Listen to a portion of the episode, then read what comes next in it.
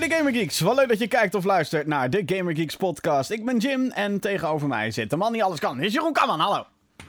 Hallo! Godsamme. We komen er lekker Hey, in. deze- kl- klopt dat ik jou dubbel hoor? Dubbel? Nee.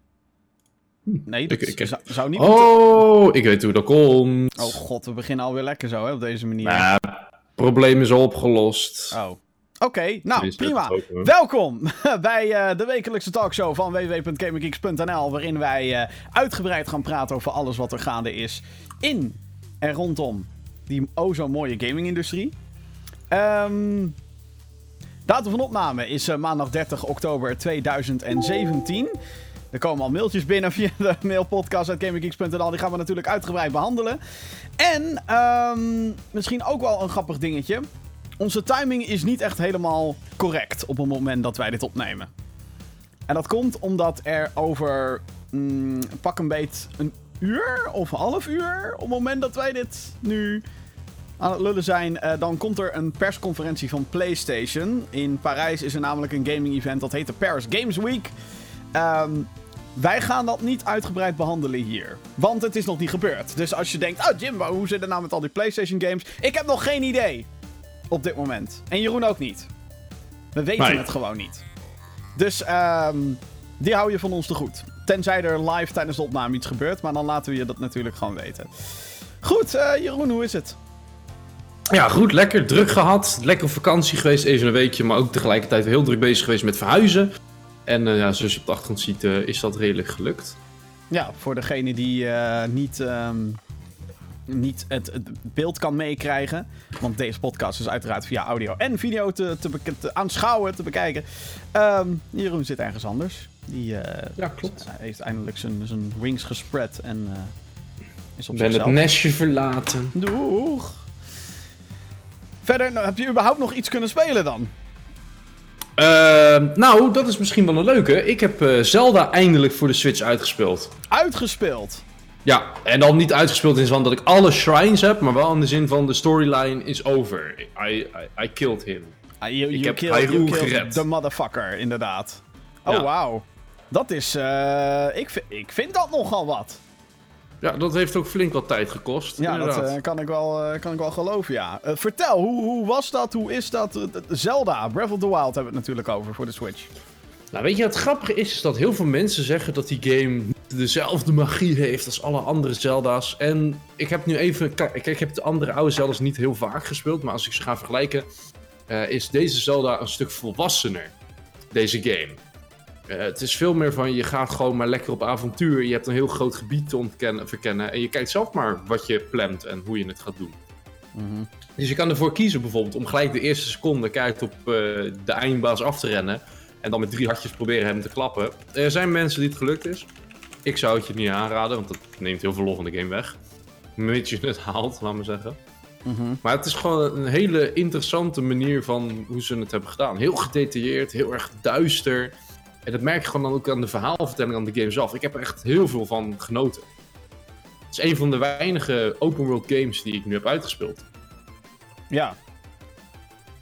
Maar is het, zeg maar, was het echt heel moeilijk? Of is het vooral gewoon heel veel tijd die je eraan kwijt bent? Zoeken naar spullen en dat soort zaken. En, en, en naar items en naar health en naar shrines en alles op en eraan. Ehm, moeilijk. Ja, je hebt wel bepaalde timing dingetjes en, en bepaalde enemies die gewoon lastig zijn te verslaan. Als je eenmaal door hebt hoe dat in elkaar steekt, ja, dan is het, eh, het verhaal gauw voorbij. eh. Ja, dat snap ik wel, ja. ja. Oké, nou ja, best wel, best, wel, best wel spannend, denk ik. Dat je... Maar heb je nu een ander Switch-project waar je nu aan eh, gaat beginnen? Nou, ik, ik moet even op mijn geld wachten. Maar dan wil ik denk ik toch Odyssey gaan oppakken. Op je geld gaan wachten? Dat is ook een mooie, inderdaad. Ja. ja, weet je wat het is? En daar gaan we het vandaag ook zeker over hebben. Is gewoon die gekte. Al die games. Ja, nou ja, inderdaad. Oké, laten, we, laten, we, laten we dan meteen overschakelen naar eh, de motherfucker himself. Althans, de motherfucker, de... Mario! Holy shit! Ik bedoel, oké, wacht even. Even, stapje terug, stapje terug. Mensen, het is 27 oktober 2017 geweest. Eh, mocht je niet weten wat voor dag dat was, dat was het moment waarop waarschijnlijk alle gamers over de gehele wereld gezamenlijk schreeuwden: Nee, geen tijd. Want dat hebben we niet meer. Tijd is zeg maar, het is gone, het is klaar als het gaat om tijd. We hebben het gewoon niet. En dat komt door eh, Super Mario Odyssey, Assassin's Creed Origins en Wolfenstein 2. Die drie games zijn alle drie op dezelfde dag uitgekomen. Yup. Dat is fucked up. Laat ik het zo zeggen. Maar niet alleen voor tijd, maar ook voor geld. Het is fucking duur. Als je ze alle drie wil hebben en je wilt ook Ja, nog eens tuurlijk. collector's eh, edition ergens van hebben, dan had je winst, eh een van de publishers. Ja. Nou, ik denk, eh, sterker nog, ik weet niet of, of, of de publishers... Ja, tuurlijk. Ik bedoel, sowieso. Maar ik weet niet of een Collector's Edition heel veel geld opbrengt. Maar dat is een discussie voor een andere keer, denk ik. Ehm, maar, Super Mario Odyssey. Het is natuurlijk eh, de game voor de Switch dit najaar. Er komen meerdere games uit voor de Switch, daar niet van. Maar ehm, ik heb al eventjes mee gespeeld. Eh, dit moet ik er even bij zeggen. Ja, we gaan het hebben over alle drie de games. Maar ik heb Assassin's Creed nog niet kunnen spelen. Dus voordat eh, er mensen helemaal losgaan over... Oh, wat vind je van Assassin's Creed? Moment. ik, heb, ik heb geen tijd. er zijn zoveel games. Oké, Super Mario Odyssey. Ja. Ik heb hem dus... eh, ik, zit- ik heb er nu, denk ik, 2,5 tot 3 uur in zitten. Dat is nog niet heel lang. En het is natuurlijk een, een 3D-platform game. Hè. Je, gaat, je springt rond als Mario. Je kan dit keer je petje gooien. Met eh, als gevolg dat je daarmee vijanden kan verslaan. En dat je daarmee vijanden kan overnemen. Of althans bepaalde characters, dan wel objecten.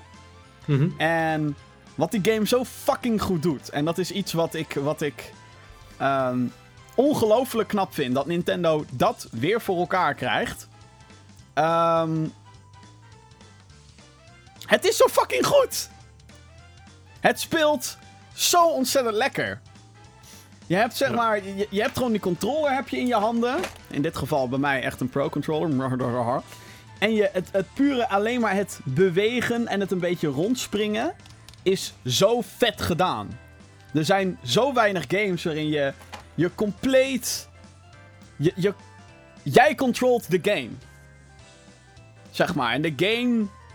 Die, die komt met uitdagingen. En komt met andere dingen. En dat klinkt heel erg vaag. Maar je hebt van die games. Dat, als je het oppakt, dan denk je ja, lekker. Weet je, dat heb je met bepaalde shooters. Dat als je lekker aan het knallen bent, dat het dan. Mm, mm, voelt goed. Eh, en dan heb je natuurlijk games die dat minder doen. Super Mario Odyssey is in die zin zo ontzettend goed. Het is. Het is magisch. Het is heel raar. Maar als je dit gaat vergelijken met een Mario 64 of een Sunshine of een. eh, eh, zelfs een Super Mario Galaxy, alhoewel die natuurlijk ook al fucking goed was. Deze game speelt zo ontzettend lekker. En dan komt daarbij dus het, het, het, het magische.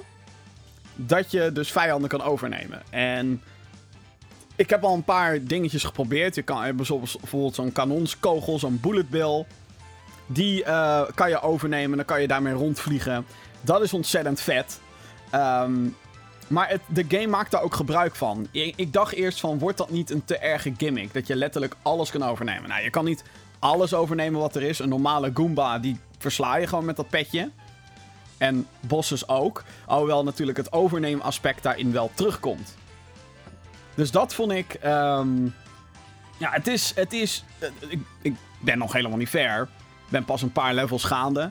Maar het Ik is vind het wel lekker hyped. het is, het is zo mooi.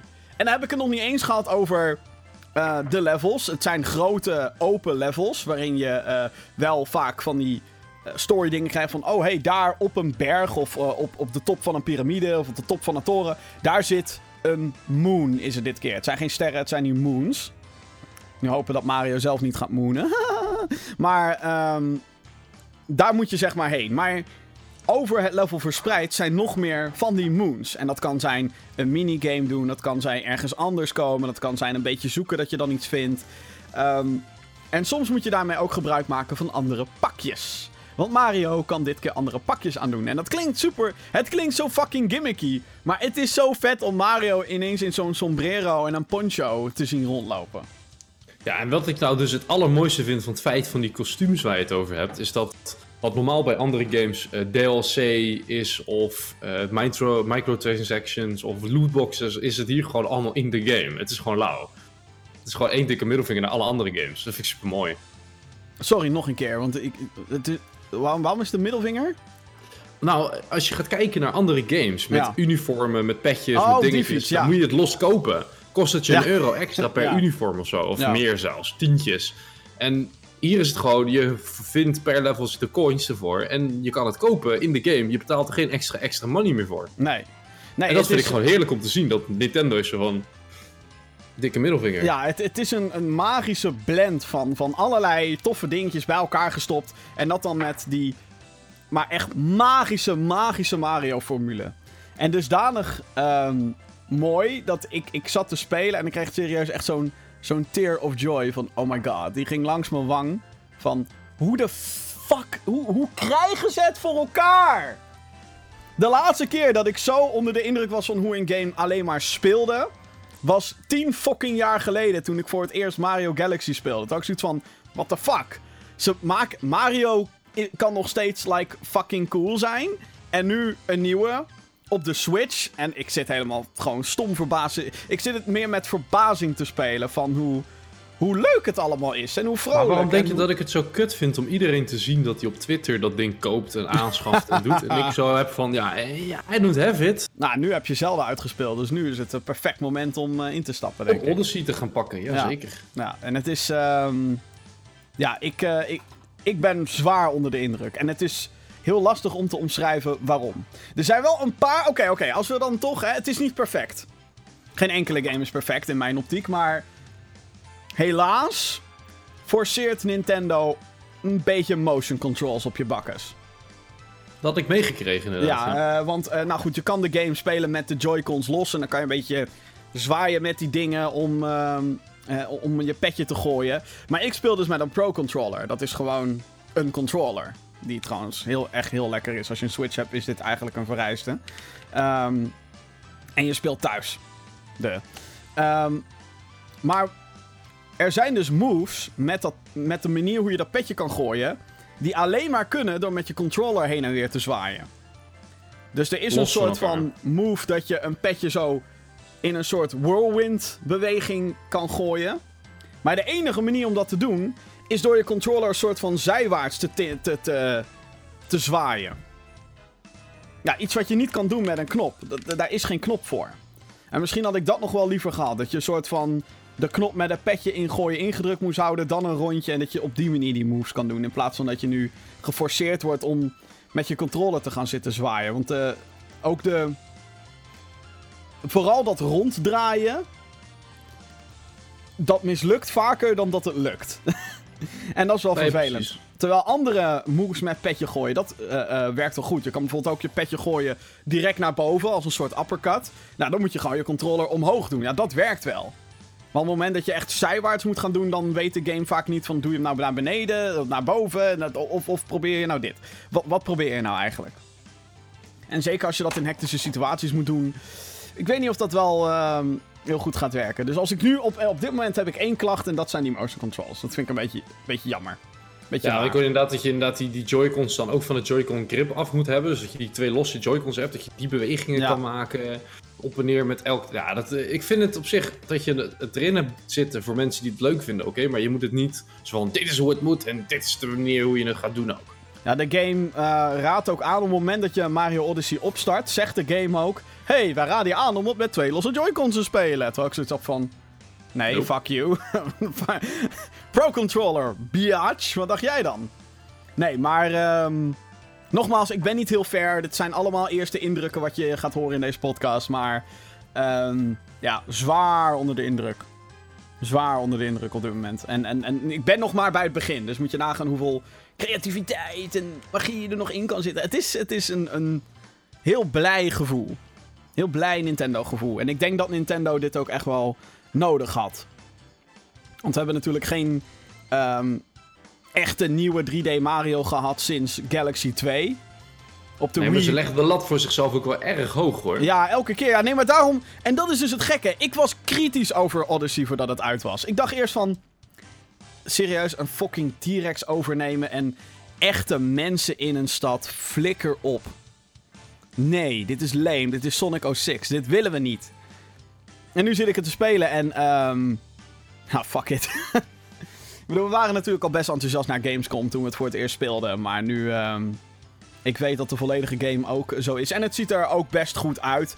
Je merkt wel dat natuurlijk de Switch niet zo krachtig is als een PlayStation 4 of een ehm, Xbox One of een PC. Ehm, en daardoor zie je ook wel de pixeltjes op sommige 3D-modellen. En dat is een beetje een nadeel dat ze dingen nu wat meer, wat realistischer proberen af te beelden. Dan, dat kan die Switch gewoon niet. Zeker niet Nee, als je ze het vergelijkt. eigenlijk een beetje zoals die stijl van Zelda en de stijl van... Ja, dat werkt het beste. games. Ja. Dat past beter. Gewoon een beetje die aparte stijltjes. Ja. Ja, dat, dat werkt gewoon veel beter dan eh, proberen realistisch te zijn. En ik stoor me er niet aan, want hey, eh, zeker als ik bedoel, als je een Nintendo-console speelt, dan is het natuurlijk gameplay boven graphics. Maar ehm, ja, je, je merkt daarin wel dat eh, de Switch het gewoon nog niet zo goed kan handelen. Maar de game draait wel als een zonnetje. Dus in die zin, ik hoop gewoon dat ze veel meer gebruik maken van het cartoony eh, aspect. In plaats van proberen realistisch te doen. Het matcht ook niet echt met Mario. Nogmaals, ik, ik stoor me er niet aan, want de game speelt zo lekker. Maar goed, dus eh, kleine, min- kleine minpuntjes. Maar dat is eerder omdat een game nou eenmaal niet... Het kan niet perfect zijn. Ik, ik geloof daar niet in, persoonlijk. Nee, maar daar ben ik het ook wel met je eens. Het is gewoon heel moeilijk om perfect te zijn in een game. Ja. Ehm, ja. Dan. Eh, ik weet niet of jij dit ook al mee... Heb jij... Jij had verder ook helemaal niks gespeeld, behalve Zelda. Eh nou ja, Heroes of Storm en Shovel Knight. Nou, dat zijn games die ik wel speel.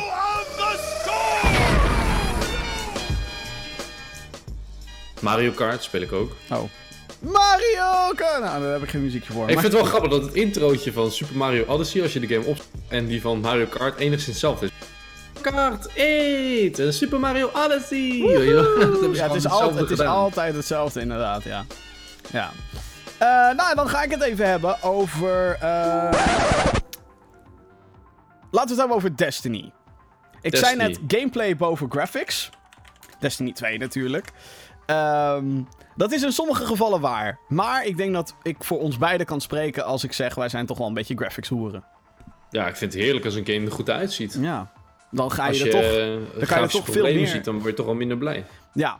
Destiny 2 is ehm, al sinds september eh, voor de PlayStation 4 en de Xbox One. Maar vorige Spijtig. week eh, was die eindelijk uit voor de PC. Ja, en toen was de hype bij mij weg. Ik denk dat het bij heel veel mensen toch wel het geval is. Ik denk toch dat een Ja. anderhalve maand net iets te lang is. Ja. Oh, maar dat is het zeker, want op dat moment kreeg ik te horen van Wolfenstein 2, Mario Odyssey, eh, Battlefront eh, van Star Wars. Ik heb Mhm. zo, ja, nou ja, Destiny heb ik één ook nooit boeiend gevonden. Dus ja, dan Destiny 2, ja, jammer. Dat, dat wordt dan een, een bargain deal, weet je. Dat je op een moment denkt van, nou, hè, daar betaal ik dan eh, een twee tientjes voor. En dan vind ik het misschien leuk om ooit te proberen, maar ik ga daar niet de volle pond voor betalen. Ik ehm, ben erin gedoken. Ja, dat weet ik. Eh, en eh, ik moet zeggen dat het toch wel heel vet is hoor. Dat Destiny 2. Ik, eh, ik, ik, ik, ik- ik heb hem ook heel kort op de PlayStation 4 gespeeld. En dan met heel kort bedoel ik heel kort. En het verschil tussen de PS4 en de PC-versie is fucking bizar. Het is echt bizar hoeveel verschil er zit tussen spelen op een, een, een PS4 die moeite heeft om al die... Er zitten zoveel effecten in die game. Lichteffecten en regen en, en allemaal characters die door elkaar heen springen en schieten en eh, ontploffen. En grote schepen die vanuit de achtergrond het level betreden. En dan moet je daar met me- andere mensen op gaan knallen. Die PlayStation heeft daar gewoon moeite mee. Ja, En dan ga je de PC-versie spelen. Nou, als je een beetje een redelijke PC hebt, heeft hij daar geen moeite mee. En is de framerate meer dan verdubbeld. Yep. En dat speelt zo ontzettend goed.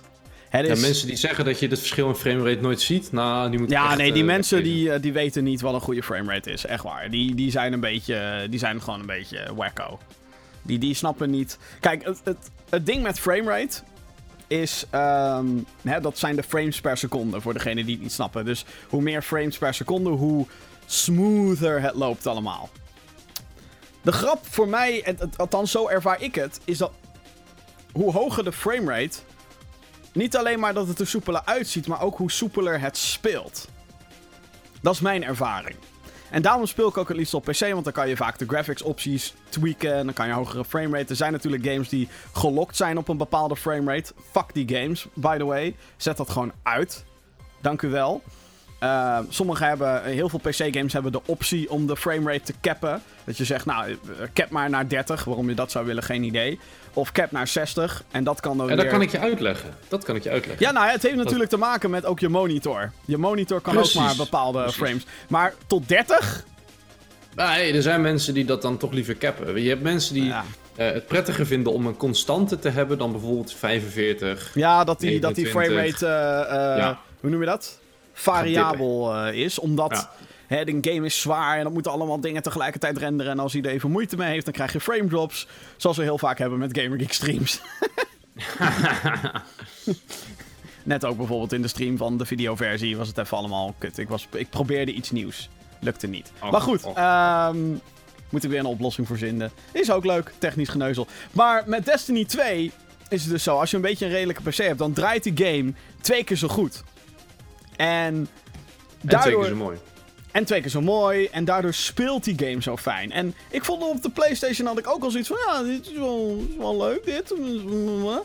Maar dan ga je op de PC spelen. Dan is het van: yeah, boy. Yeah. Dit is hoe die fucking game bedoeld is. Zo hoort dit te spelen. Dit is gewoon. Dit, dit is Destiny. Dit had het altijd al moeten zijn. Waarom de fuck was Destiny 1 niet op PC? Shit. Deal met Sony, weet ik veel. Ja, nou ja, die deal hebben ze nog steeds, by the way. De eh, DLC komt als eerste naar PlayStation. Blablabla. Oh, Interessant dingetje is, is dat Destiny 2 op de PC ehm, op Battle.net is. Mhm. Niet op Mhm. Steam, niet op- Activ- Activision. toch? Ja, Activision is eigenaar van Blizzard. Blizzard en Activision blijven tot dusver nog een beetje los van elkaar opereren. Maar met deze stap is het toch wel duidelijk dat ze wat meer gaan fuseren. En daarom denk ik ook dat... eh, volgens mij is deze launch best goed gegaan van Destiny 2.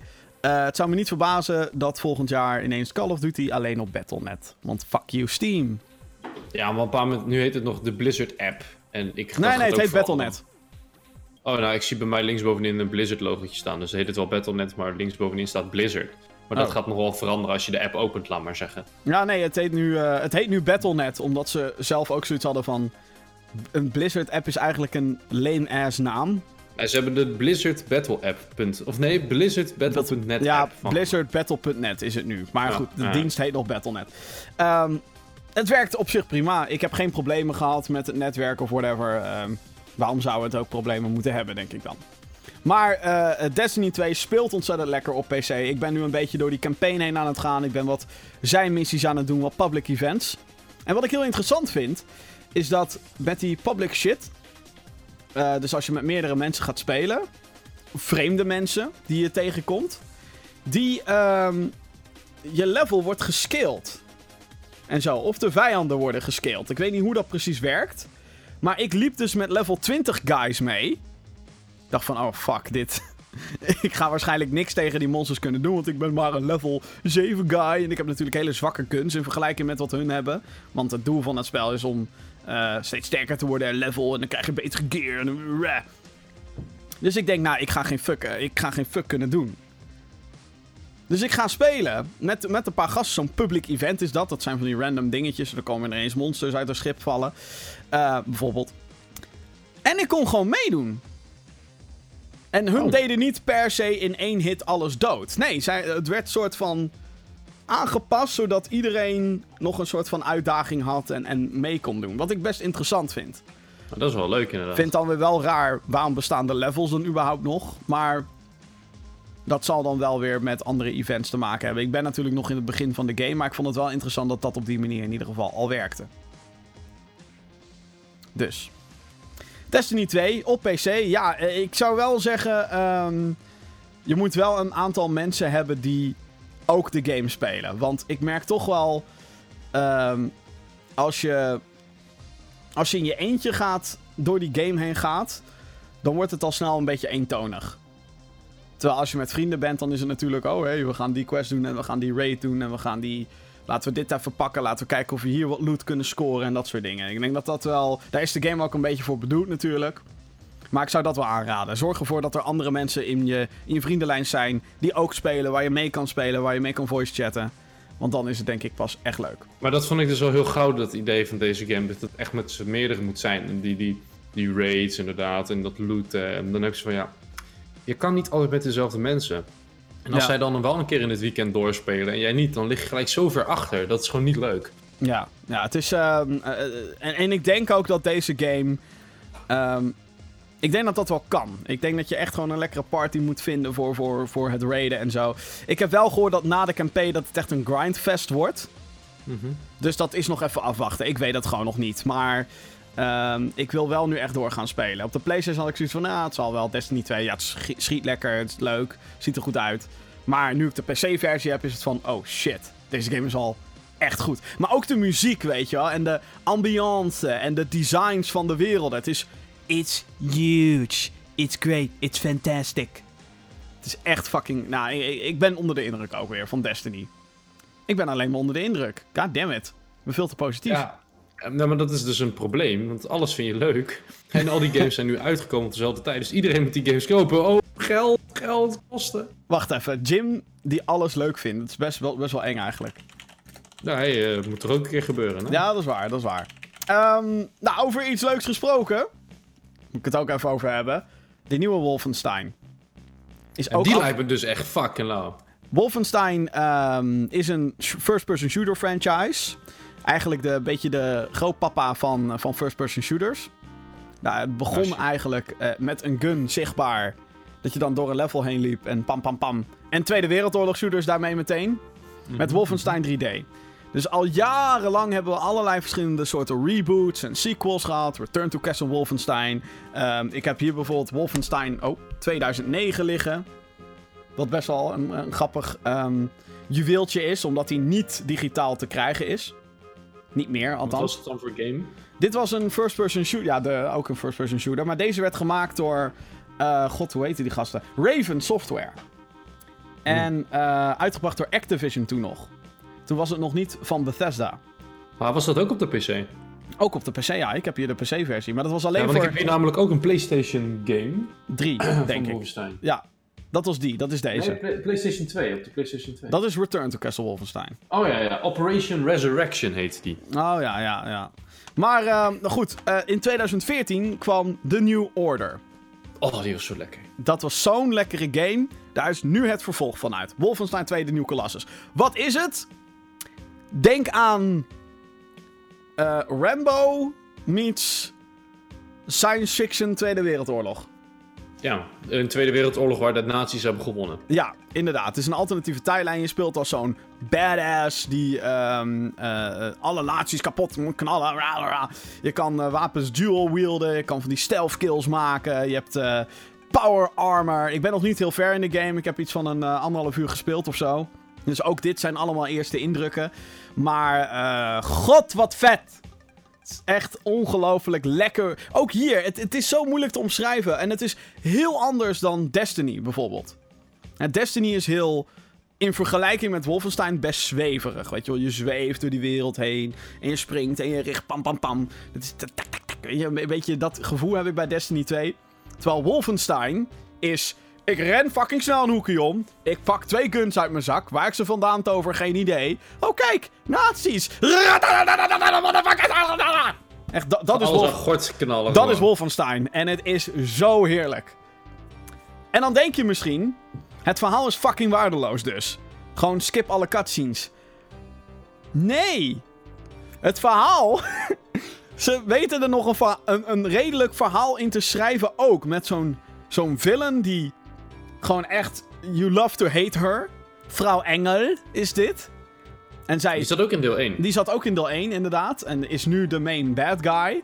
Ehm, de characters waar BJ Blazkowicz, dat is jouw eh, character, waar die mee omgaat, die, eh, omgaat, die hebben allemaal een persoonlijkheid en een backstory en een verhaallijn. En ook het verhaal van BJ Blazkowicz wordt verder uitgelicht. Hoe hij in zijn jeugd is gemarteld door zijn pa en dat soort shit. En hoe, ze, hoe zijn moeder misbruikt, of nou, mishandeld moet ik zeggen. Mishandeld werd. Wat, what the fuck? Heus ga je zo diep in een Wolfenstein game. Ja, ze doen het gewoon. En het, als je uh, zo'n zo'n scène naast een actiescène naast elkaar direct legt, is dat best weird. Maar het past op de een of andere manier wel. En er is in ieder geval moeite ingestoken. Je kan het allemaal skippen als je wil, fuck it. Maar ik vind het wel tof dat het erin zit.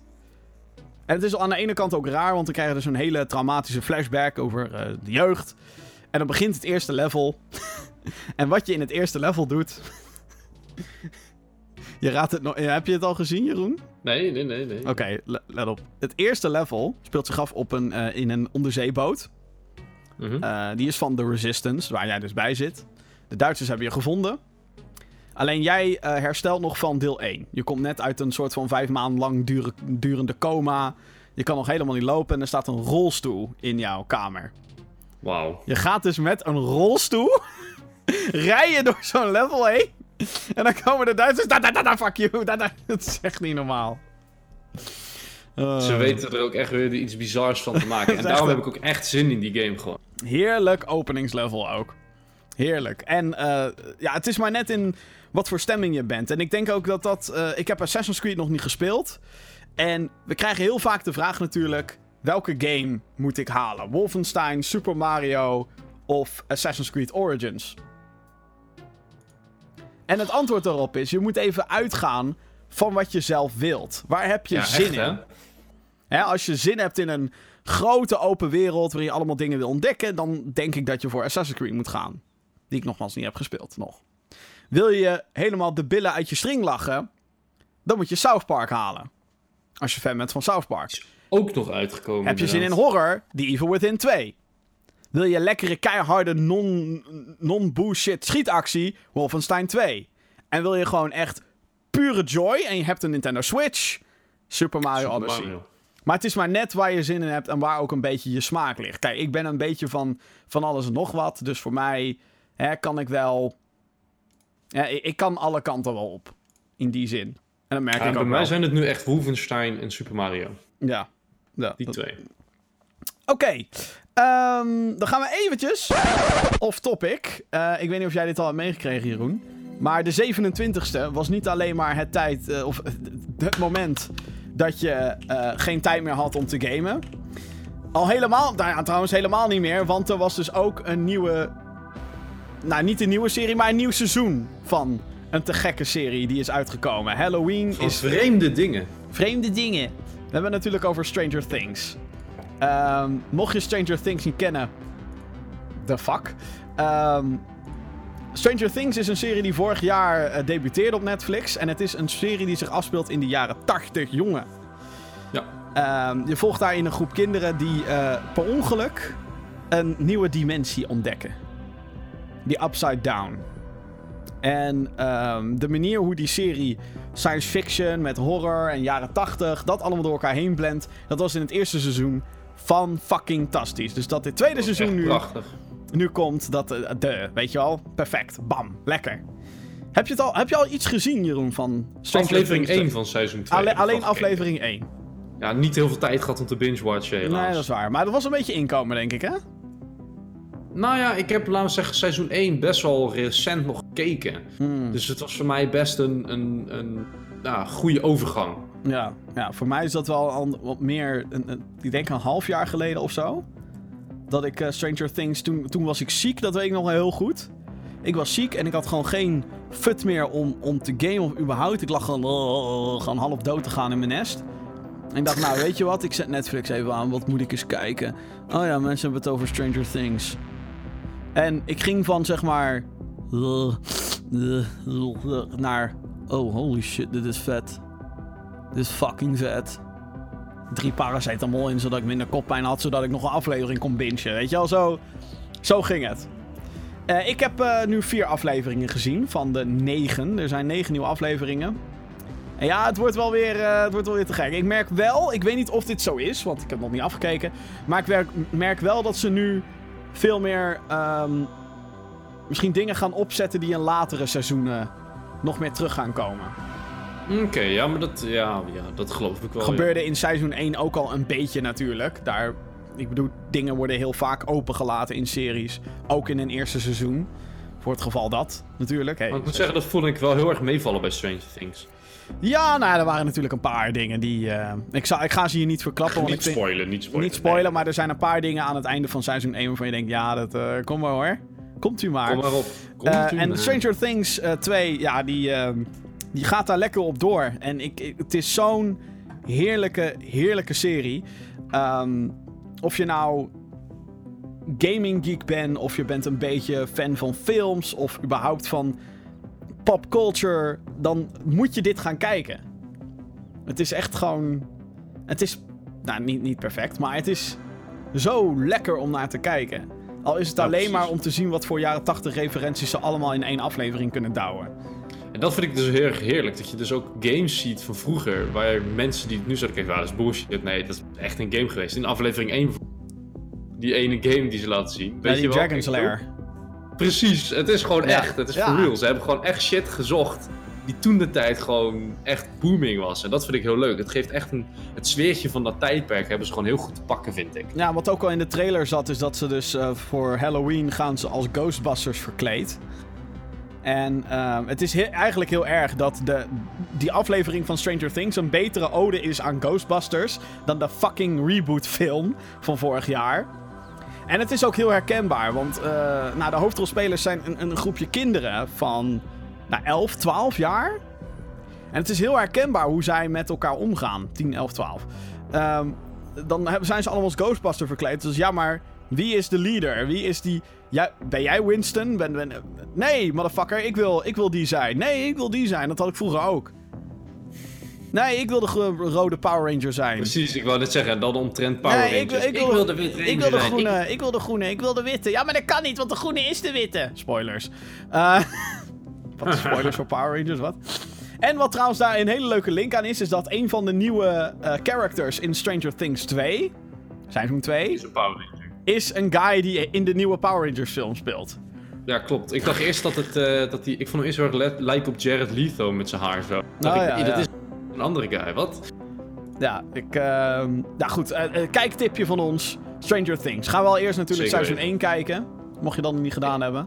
Ik heb dus mijn ouders echt geëist om seizoen 1 te gaan kijken. Want we zetten seizoen 2 aan. En mijn moeder. Hé, wie is dat dan ook alweer? Wat is dat Oh, dan ook God. alweer? Ga Maar er zit de een- seizoen 1 maar weer kijken. Maar er zit een recap in, hè? Maakt me niet uit. Ze moeten het gewoon opnieuw kijken. Dat vond ik wel handig. Dan krijg je nog zo'n 3,5 minuut durende recap van... hey, dit, was, dit is wat er allemaal gebeurde in Stranger Things 1. De belangrijke plotpunten. Maar dan... Zou ik trouwens, eh, als je trouwens het nog helemaal niet hebt gezien, moet je het wel doen. Want het is als een soort refresher bedoeld. En niet als... eh, dit is wat, het enige wat je moet... ja. Ja, precies. Ja, oké. Eh, laten we het weer over, over games gaan hebben. En het nieuws even bekijken. Eh, gezien de releases die nu allemaal uit zijn, is het natuurlijk niet zo dat er heel veel nieuws is überhaupt. Ook die releaselijst, zometeen, die gaat fucking kort worden. Just saying. Eh, als eerste. eh, ja, het, het is voorbij, jongens. Het is klaar. Met de Microsoft slash Xbox Connect. Who gives a shit? Ja, Gewoon echt letterlijk a fuck? shit. Ik, ik heb dat non, ding nog nooit interessant willen hebben. Echt serieus. Maar gaan ze dan ook stoppen met die van de Xbox One? Ja. Dus het is gewoon... Het is klaar. Over het algemeen, het is gewoon... de hele lijn is sloes. Finito. Ja, want eh, ehm, het is tijd. Ja, de Kinect is een camera die eh van origine werd ont of, eh, van origine was voor de Xbox 360. En dat was eigenlijk een soort reactie op de Nintendo Wii, die natuurlijk met die zwaai, remotes, grote hype, motion controls was het helemaal. Viel wel mee eigenlijk. Ehm, zeker achteraf gezien, maar ook toen had ik al bij sommige games zoiets van waarom moet ik zwaaien terwijl ik ook gewoon op een knop kan drukken, zelfde effect. Maar goed, whatever. Microsoft eh, wilde daarop inspelen met dus een camera. Dat als je beweegt, dan reageert de game daarop. En ehm, je kon daar ook je menus mee besturen. En je kon tegen dat ding praten. Want in die Kinect zat ook een microfoon die reageert op jouw shit. Ehm, ik denk dat. eh, één ding denk ik ook. En dat is dat de Xbox totaal het verkeerde apparaat was voor de Kinect. Ik denk namelijk dat de potentie van zo'n camera die jouw handgebaren zeg maar Voor detecteert. per se interessanter is. nou ja, nee, voor je televisie, voor je smart TV. Oh ja, precies, Algemeen. ook, ja. Hè, dat, dat je dan zo door Netflix kan scrollen door gewoon alleen maar met je hand een beetje te wapperen. En een beetje met je hand te doen alsof je een knop indrukt en dat die dan naar een andere zender gaat. Ik zeg maar Maar wat. zoiets zat ook ingebouwd bij Xbox, maar ook bij een tv volgens mij. En ik vind het toch net niet werken. Het voelt zo awkward dat je zo zit te swipen en het werkt niet. En dat je Ja, het, keer is, zo'n het, het, is, maakt. het is denk ik de toekomst. We, we gaan eenmaal... De toekomst. Maar dan ga je het zeg maar aan een gameapparaat koppelen waar mensen echt op zitten voor de games. Ja, Dat was het, dat is het. Weet je wel, niet meer dan dat. En ehm ja, dat, dat, dat kwam zo verkeerd aan bij die Xbox gamers. Maar ook dat ze vooral eh, eh, Connect dingen. eh, Ze lieten Rare, zeg maar ooit de ontwikkelaars van Perfect Dark en fucking Donkey Kong Country. lieten ze fucking Connect games maken. En dan denk ik ook, ja, what the fuck hé, waarom, waarom doe je dat? Het is zo. Het, het, het was, en het werkte ook niet goed voor games, want er werd dan beloofd dat je fucking Kamehamehas kan doen en dat je shooters kan spelen door eh, rare handgebaren te maken. Dat was ook zo trouwens met eh, Ubisoft en Ghost Recon. Dan moest je letterlijk soort van met je vingers knippen om de trekker over te halen. Wie de fuck verzint dat? for real? Ja. For real? Ja, als je, Dat is het, echt kansloos. als je het terugkijkt, eh, zo'n Xbox-conferentie of zo, met Ubisoft die dan... eh, nou ja, goed, het is fucking raar. was heel raar. Ze, ze stoppen ermee. Ehm, Nou, goed zo werd de tijd weg met dat teasers ding. Deed toch en, niks en wat natuurlijk ook het geval was, wat waarschijnlijk echt de dood van de Kinect was, is dat het verplicht werd bij de Xbox One. De ja, Xbox One werd moest. zo hard door de grond, eh, de grond ingedouwd door iedereen. Ja, ja, want je moest dan een Xbox One met Kinect halen. Dan kwam er 100 euro bovenop de prijs. Althans, Ja. dat dachten we allemaal. Want de PlayStation was 400, de Xbox One werd ineens 500. En toen hadden ze, zes maanden daarna of zo, hadden ze gezegd... ehm, ja, Xbox One nu zonder Kinect. Terwijl ze daarvoor beweerden... Oh ja, maar je moet het echt hebben. Het is noodzakelijk voor de experience van Xbox. Ja, het was verplicht en zo. En, ja, Ja, het, het was eerst dus verplicht. Nou goed, dat, eh, als je dat soort shit gaat forceren op mensen... dan weet je zeker dat het... eh, Maar ja, dat was ook met die DRM's en zo. Ja, je gaat mensen er alleen maar pissig mee maken. Dus de Connect is voorbij. Het is slush, het is klaar. Eh, of althans, je kan het nu waarschijnlijk nog wel krijgen, maar het wordt niet meer in productie genomen. Dus er komen geen nieuwe meer bij. Dat betekent dus, Jeroen, dat het een collectors item wordt. Ja, snel dingen halen. Snel! Nee. Mij mag het echt eh, de schroot op.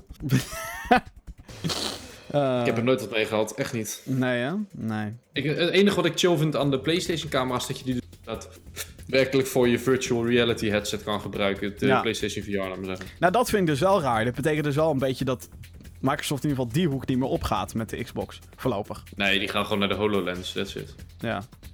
Maar die is ook niet echt voor gaming, is dat ook niet echt een ding, vind ik. Succes Microsoft. Ze hebben sowieso al heel lang mijn vertrouwen. Dus Dan een ehm, opvallend onderzoek uit de Universiteit van Cardiff. ja, Eh, dat vind ik wel een bijzonder inderdaad. Volgens dat onderzoek eh, bestaat gameverslaving niet. Het is wel natuurlijk een beetje hoe je eh, het woord verslaving interpre- interpreteert.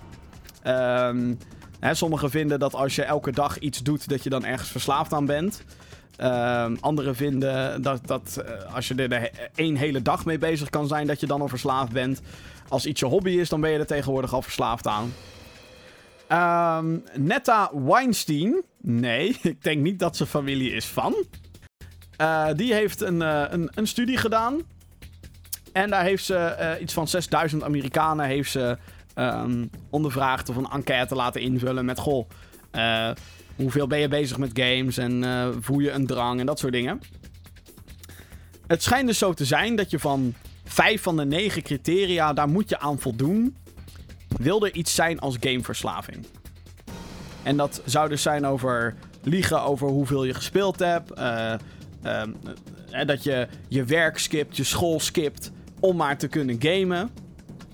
Ehm, eh, eh, je moet bezorgd zijn over of je wel of niet iets haalt. Of dat je het, het on top of mind is van... Oh shit, ik moet nu... Ik moet nu een spelletje spelen. Want anders word ik gek. De, die, die, die, vooral die aspecten schijnen er niet echt te zijn. Ik zou dus eerst bang worden van het feit van... Oh, ik heb weggeskipt voor, voor een game, nu heb ik geen geld. Ja, precies. nu Geen geld geen game. Voor de volgende game. Fuck. Precies. Ja. Nee, het is. ehm, ik bedoel dat je. eh, kijk, het, het- het is allemaal zo. Het is en blijft een subjectief ding, vind ik. Dit schijnt dus de officiële reden te zijn. Eh, en gameverslaving zou dan niet kunnen bestaan. Ben jij het er überhaupt mee eens, Jeroen? Bestaat gameverslaving? Ik denk dat je overal wel verslaafd aan kan worden. Snap je? Ik vind dat dus ook. Ja, ik denk dat eh, er wel, ja, laten we zeggen, niveaus van verslaving zijn. Dus je kan heel erg verslaafd zijn aan loot chest in bijvoorbeeld games zoals een Shadow of War. Dat je gewoon, je moet die, die sterkste shit hebben. Je moet die, die gok aangaan wat je in die kist krijgt. Daarom koop je meer kisten. Ja, daar heb je het misschien zwaarder dan bij een, een, een Legend of Zelda waar je gewoon aan het hunten bent, aan het vechten. Of een Mario waar je, waar je level van level speelt.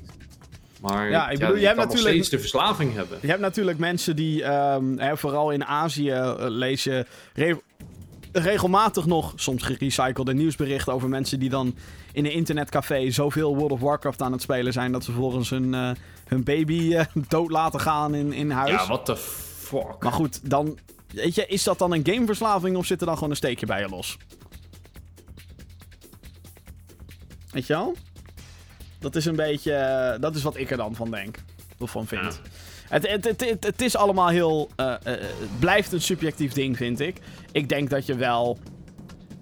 Nou ja, als we dan niet de term verslaving mogen gebruiken. Dan er zijn zeker wel mensen die veel te graag een game willen spelen. En eh, dit was dan een steekproef onder 6000 Amerikanen. Dat is al, natuurlijk altijd trouwens hè, met dit soort onderzoeken. Het zijn altijd steekproeven. Ehm, ja, ik vind, ik vind het op zich wel interessant dat, dat dit dan de conclusie is die daar uitkomt. Ja, ik ben wel gewoon benieuwd eh, hoe lang het stand houdt. Ja, en er is natuurlijk al kritiek op dit onderzoek, want er zijn heel veel eh, tegenstanders tussen aanhalingstekens van, eh, van games. Ehm, die vinden dat het wel verslavend is en dat soort dingen.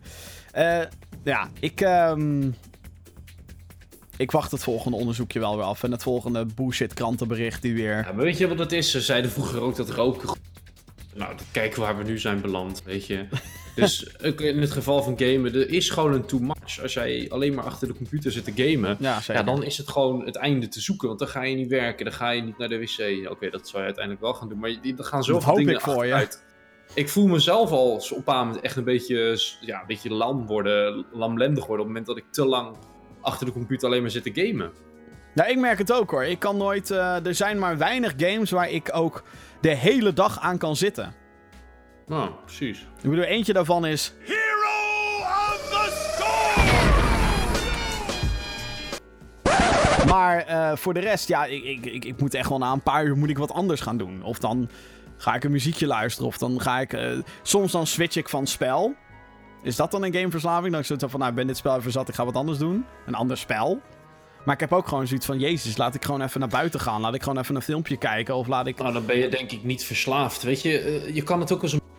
Als je veel gamet en je gaat er buiten daar gewoon wel je dagelijkse dingen doen. Zoals boodschappies, eh, je autootje vol tanken, werken. Niet Maar ben je dan verslaafd als je je vrije tijd indeelt als gaming? Nee, denk het niet. Want de een gaat zwemmen, nou, de ander gaat naar de sportschool, de ander gaat voetballen, de ander gaat eh, verven en schilderen. De ander gaat een filmpje pakken. Ja, en de ander staat een spel. Maar op het moment dat jij daadwerkelijk je leven verpest door alleen maar te gamen, dus je tanden niet meer poetsen en je geld niet meer verdienen en je belasting niet meer betalen, ja, dan denk ik dat als je jezelf, ja, dat noemen ze dan zelfdestructief, dus dat je jezelf in een spiraal gaat werken, ja, dan is het een ander verhaal. Ja, ja, Dan zou ik het best een verslaving kunnen noemen. ja. We moeten het eh, even gaan hebben over ander nieuws. Ander nieuws Ja, die eh, te maken Dit is heeft echt met... de Empire hoor. Dit. Eh, nieuws over EA.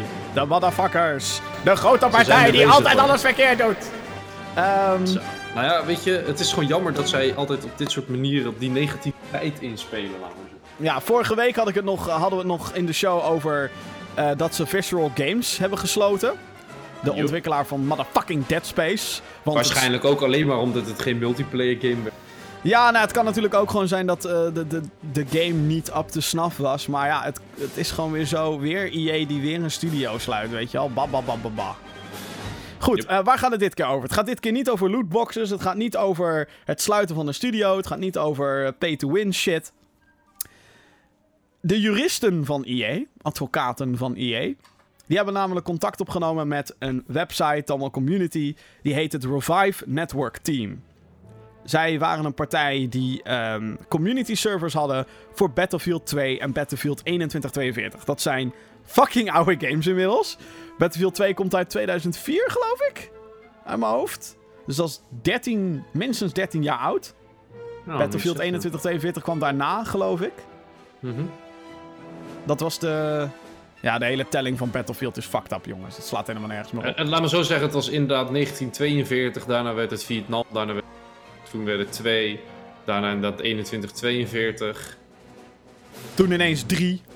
Die drie jaar. Waar ze dat vandaan halen, Bad geen idee. Bad Company kwam er nog achteraan. Battlefield 4, Battlefield 1. Ja. God damn it. Ehm, we hadden dat gewoon World War 1 moeten noemen. Maar goed, whatever.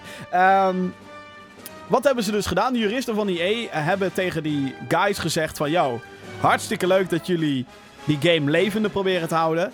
Maar eh, doe dat eens even niet. Want, Nou, eh, maak, het, dus, eh, maak het maar dood. want jullie zijn met onze IP bezig. Dat was hun...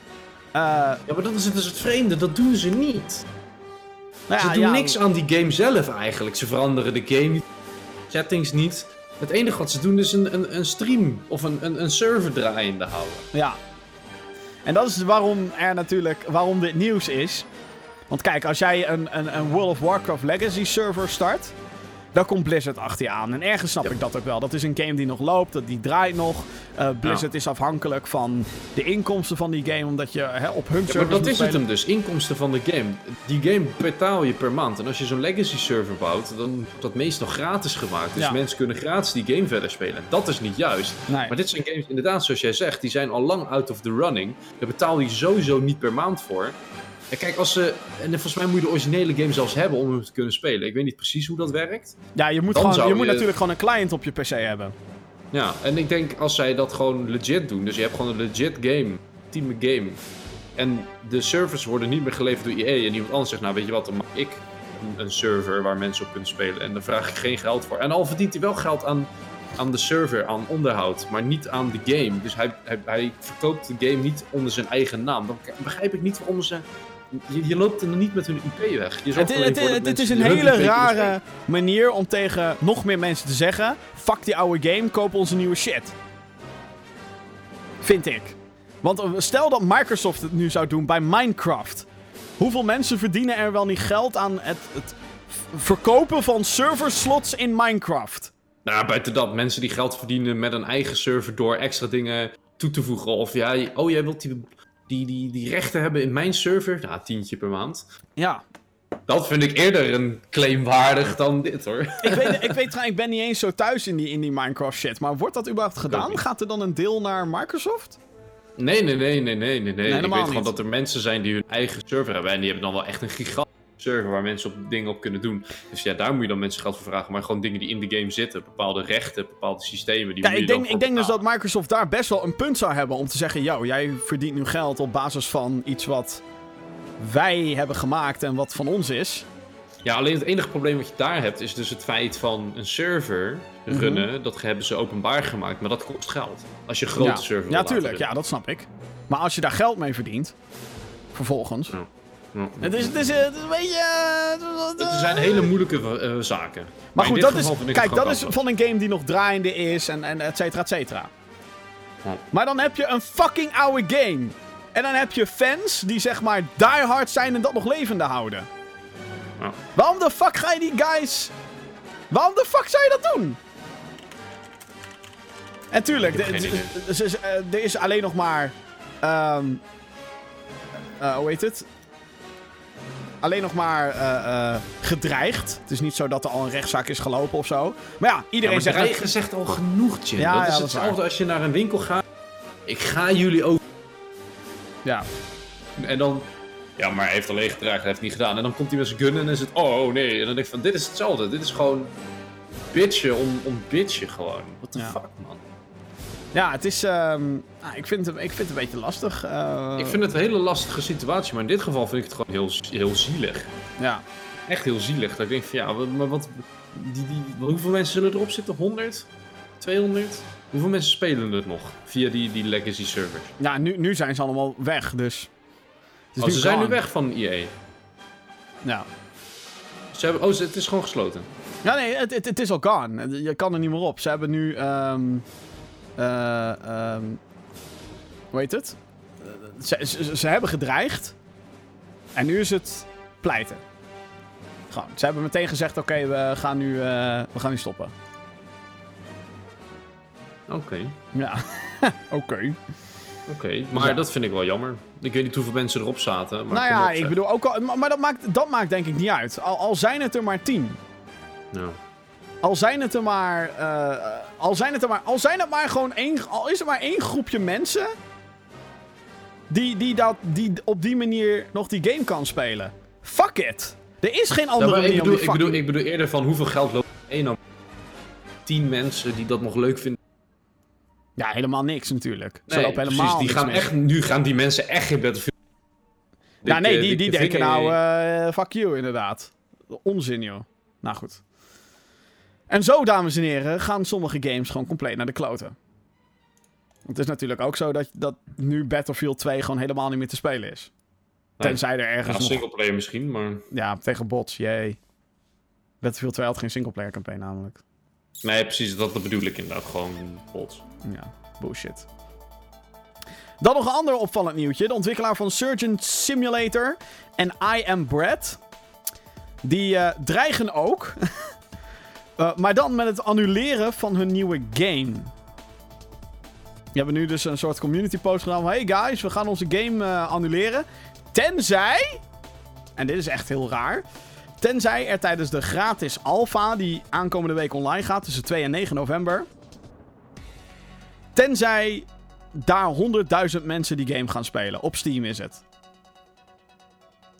Dan zeggen ze ineens: Oké, we gaan wel door met de ontwikkeling van de game. Ja, waarschijnlijk zullen ze al een geldnood zitten of zo. Ik denk het. Het gaat hier om de game eh Deck. eh Deck Splash heet het. En het is eigenlijk Splatoon, maar dan met een skateboard. Dus je moet allemaal trucjes doen en als je dan landt, dan. Dan komt jouw kleur komt over het Het level klinkt me eerlijk gezegd inderdaad gewoon... Nou ja, ja ik, ik, ik weet het niet. Het lijkt me best schijnig. Maar om dan zulke verwachtingen neer te zetten en een soort van te gaan zitten dreigen. Ik denk dat mensen nu juist zoiets hebben van... Dude, heb je gezien wat de fuck er allemaal uit is? Hallo. Ik zou dan zeggen, sterf dan maar lekker met je game. Weet je, doei. Kijk, als, I, als nou, de EA is een slecht voorbeeld, maar stel je voor, eh, Blizzard zou zijn nieuwe IP eh, cancelen als het niet meer dan 100.000, dan zou ik zeggen, oh nee, Blizzard, ik wil niet dat je, nee. En dan, hierbij heb ik eens van, ja, Surgeon Simulator heb ik nooit gespeeld, zag er geinig uit, Iron Bread zag er geinig uit, maar zou ik nooit gekocht hebben. Dus waarom zou ik me druk maken om jullie nieuwe game, weet je? ja, Verkoop me nee, eerst die nieuwe game voordat je gaat lopen dreigen met, eh man, stoppen we ermee. ja, het is... ehm, Even kijken hoor. Kan ik die Steam top 100 lijst überhaupt... Player statistics. Ja, oké. Kijk, de... De piek van, van het aantal... Dus ze willen 100.000 spelers willen ze hebben. Mhm. Het is niet bekend of ze 100.000 tegelijkertijd willen hebben of in totaal. Unieke spelers. Nogmaals, het gaat je echt niet lukken. Want als je nu alleen al kijkt naar ehm, de games die nu gespeeld worden op Steam. De piek van vandaag. Player Unknown's Battlegrounds. 2,2 fucking miljoen. Wat echt bizar is. 2,2 miljoen mensen hebben vandaag Player Unknown's Battlegrounds gespeeld. What the fuck? 2,2 miljoen. Op Steam hebben we het alleen maar over nu. Dat is echt ziek. Eh 721.000 hebben Dota 2 gespeeld. Ook een fucking groot, gigantisch groot spel. 580.000 mensen hebben Counter-Strike gespeeld. En dan komen we bij de nummer 4. En dat is Warframe, die al onder de 100.000 terechtkomt. En daaronder staat GTA 5 met 78.000. Nou, dus ze gaan het gewoon niet redden. gewoon simpel, dit gaat niet Dit gebeuren. is moordende concurrentie gewoon. Dit is fucking moordend. Ja. Ik bedoel, Wolfenstein 2 komt niet in die top 10. Die staat ergens middenin. Shadow of War komt niet in die top 10 terecht. En nu zeg ik niet dat de, de, de uitgever natuurlijk niet gezegd van... hé, hey, we moeten in die top 10 staan. Maar 100.000 spelers is echt veel voor een game waar niemand nooit wat van heeft gehoord. En om op die manier dan een beetje te gaan zitten dreigen... Het is wat jij zegt. Cancel die fucking shit dan maar. Echt, hè?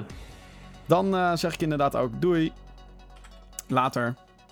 Nee, dan zou ik ook hebben van, dan, eh, dan maak ik me er ook echt niet meer druk om ook. Nee, absoluut niet. Nee. Dus eh, dat was Decksplash. Dus ja. Ehm, gaan we naar de mail. Podcast.gaminggeeks.nl. Dat is het mailadres waar je de hele week eh, vragen naar kwijt kan. Uh, dus. Uh, ik zie dat mijn mailbox aan het uh, volstouwen staat. Dus dat is leuk. We gaan er even langs. Allereerst krijg ik een mailtje van Erik. super tof dat je gemaild hebt. Hallo GG. Hierbij eventjes een vraagje. Hoe denken jullie over het feit dat er een niet nader te noemen Nederlandse gamewebsite zijn bezoekers vraagt om mee te minen om zo extra content te unlocken? Een geniaal idee of een totale rampenplan? Groetjes van Erik. Nou, laten we het beestje gewoon bij de naam noemen. We hebben het hier over GameKings.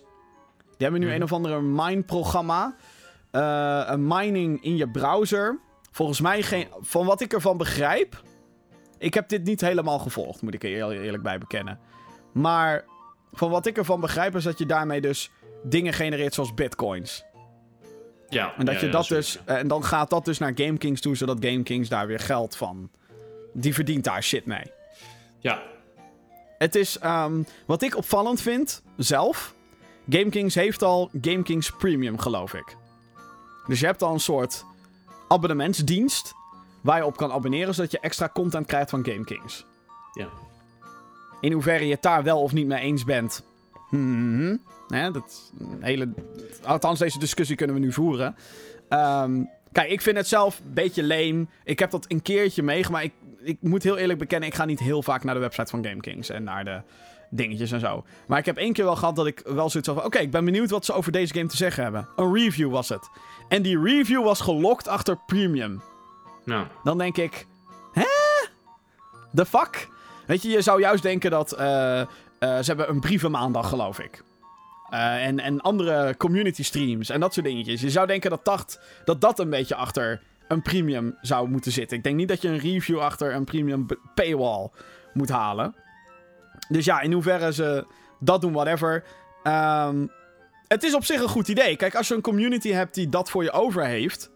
Om dat te minen om op die manier jouw medium te supporten. Why the fuck not? Alleen, Eén dingetje waar ik mee zit, is dat uh, ze nemen dan gewoon een percentage van je processor af. Ja, maar dat is een keuze die je maakt natuurlijk. En ik ben dus gewoon heel benieuwd van waar wordt er op beoordeeld of jouw computer dat wel of niet kan doen. Stel je voor, kijk, ik heb hier een gekke computer staan en als ik een van hun filmpjes of teksten lees en in de tijd dat ik daar ben, dus niet als ik op een andere website ben, dan moet hij ook gelijk stoppen. Nee, op het moment dat ik op hun website zit, dan ga je minen. Dan, en hij mindt dan even, maar niet dat dus dat programmaatje in die browser nog even door blijft gaan totdat ik bijvoorbeeld mijn browser sluit of mijn computer opnieuw opstart. Nee, het moet echt alleen zijn als ik op een website zit. Dan vind ik het niet erg als daar misschien een procent of 3, 4 van mijn processor gebruikt wordt. En als dat 100 miljoen mensen doen die op een website komen, ja, dan verdienen ze er geld mee. Kijk, wat maar ik, ik wil niet dat, stel je voor, ik heb een, een lame-ass laptopje wat niks aan kan. En gelijk mijn hele laptop op spaak, omdat GameKings zo nodig minds moet hebben, ja, dan. Kijk, wat, wat, wat het wel voor mij is, kijk, uh, het is dus wel om extra GameKings content te unlocken. Waarom? En wie unlockt dat dan? Ja, die, die mensen die dat minen dan, I guess. Of dat als er genoeg dus, mensen, dus alleen als er als genoeg mensen gemined hebben, dan unlock je bijvoorbeeld een, een, een stuk content. Dus het is een soort van Kickstarter, alleen dan. Het is eigenlijk een soort Patreon. Je, als je genoeg gemined hebt met z'n allen. Ja, het is. Ik, ik, ben. Ik vind het vreemd. Ik vind het een raar idee, ja. Uh, als, als dat ook echt daadwerkelijk de manier is waarop zij het zelf verkopen. Maar, dan op, deze, maar op deze manier vind ik het ook een beetje desperate overkomen, als ik heel eerlijk ben. Want je hebt. Ja. GameKings heeft ongetwijfeld advertenties. Heeft waarschijnlijk ook gesponsorde content. Want hey, het is een van de grootste. En dat is niet erg, gesponsorde content. Ik bedoel, hey, geld moet verdiend worden. Helemaal niet erg. Als je er maar straight en, en recht toe recht aan tegen je publiek over bent. Dan is er niks aan de hand. Maar, weet je, dan heb je ook nog eens een premium dienst. Dus je hebt al advertenties, sponsored content en een premium dienst. Als die drie dingen niet... En, en, merchandise en weet ik wat allemaal. Allemaal dingen eromheen. Maar laten we even die, die drie categorieën nemen. Premium, oh. of, uh, premium advertenties, sponsored content. Wat je zou kunnen zeggen dat is hetzelfde. Oké, fuck it. Dan doen we sponsored content plus advertenties en uh, premium. Als dat nog niet genoeg is om jouw schip nog steeds te laten drijven, dan gaat er iets fout, denk ik. Om je crew te kunnen betalen en bla bla bla bla bla. Dan gaat er denk ik wat fout. als ze. eh, ik zeg natuurlijk niet dat ze hier nu afhankelijk van zijn. Dat mag ik hopen van niet voor ze. Want dat zou toch wel. Ik bedoel, ik zou het jammer vinden als GameKings dan ondergaat. Wat het volgens mij helemaal niet gaat. Volgens mij gaat het best goed. Ik weet het niet. Ik heb hun cijfers nooit gezien. En ehm, eh, ja, ik weet niet. Ik, ik weet niet of dit een goed, eh, goede manier is om mensen te motiveren om te blijven kijken. Want hoe meer je, denk ik, gaat zeggen: yo, we doen het niet tenzij je iets voor ons doet, dan. Hè? Mm. Kijk, je kan. En het is. Het, het gaat een beetje twee kanten op. Kijk, als ik, ik kan alleen maar naar mezelf refereren. En ik weet gewoon, goh, als ik heel veel moeite heb gestoken in een video. En er kijken heel weinig mensen naar. Ja, dan ben ik de volgende keer minder gemotiveerd om iets te doen. Maar goed, then again, het is mijn werk niet. Het is een hobbyproject. Ook deze podcast. Dus het het Hmm. zij regelmatig dat als ik aan het streamen ben. dat mensen dan aan het fucking klagen zijn. Van ja, eh, wat, wat een. Wat een slecht, eh, slecht gebeuren is dit. Oh, er zijn maar een aantal kijkers op je stream. Ten eerste helpt, helpt het mij helemaal niet om dat soort dingen uit te lichten. Want dat zie ik zelf ook wel. Ten tweede, dude, als je het niet leuk vindt, fucking kijk dan niet. Weet je wel? Nou, het is wel raar om kwaliteit te beoordelen op hoeveel mensen kijken. Ja, dat ook. Dat is zo natuurlijk niemand. fucking raar. Maar, ehm, weet je, dus vanuit mij is het een, een, een... Kijk, of ik vind het leuk om een hobby te doen of niet. En ik vind het leuk om te doen, dan maak ik de podcast, dan maak ik die video's. En ja, dan is het inderdaad kut dat als je weet ik hoeveel uur in een video hebt gestoken, dat er dan 200 views komen. En ja, dan ga ik de volgende keer, inderdaad, en dat is nu wat je merkt met eh, eh, de mate waarin wij reviews doen. En ehm, hè, hoe vaak wij nog echt heel...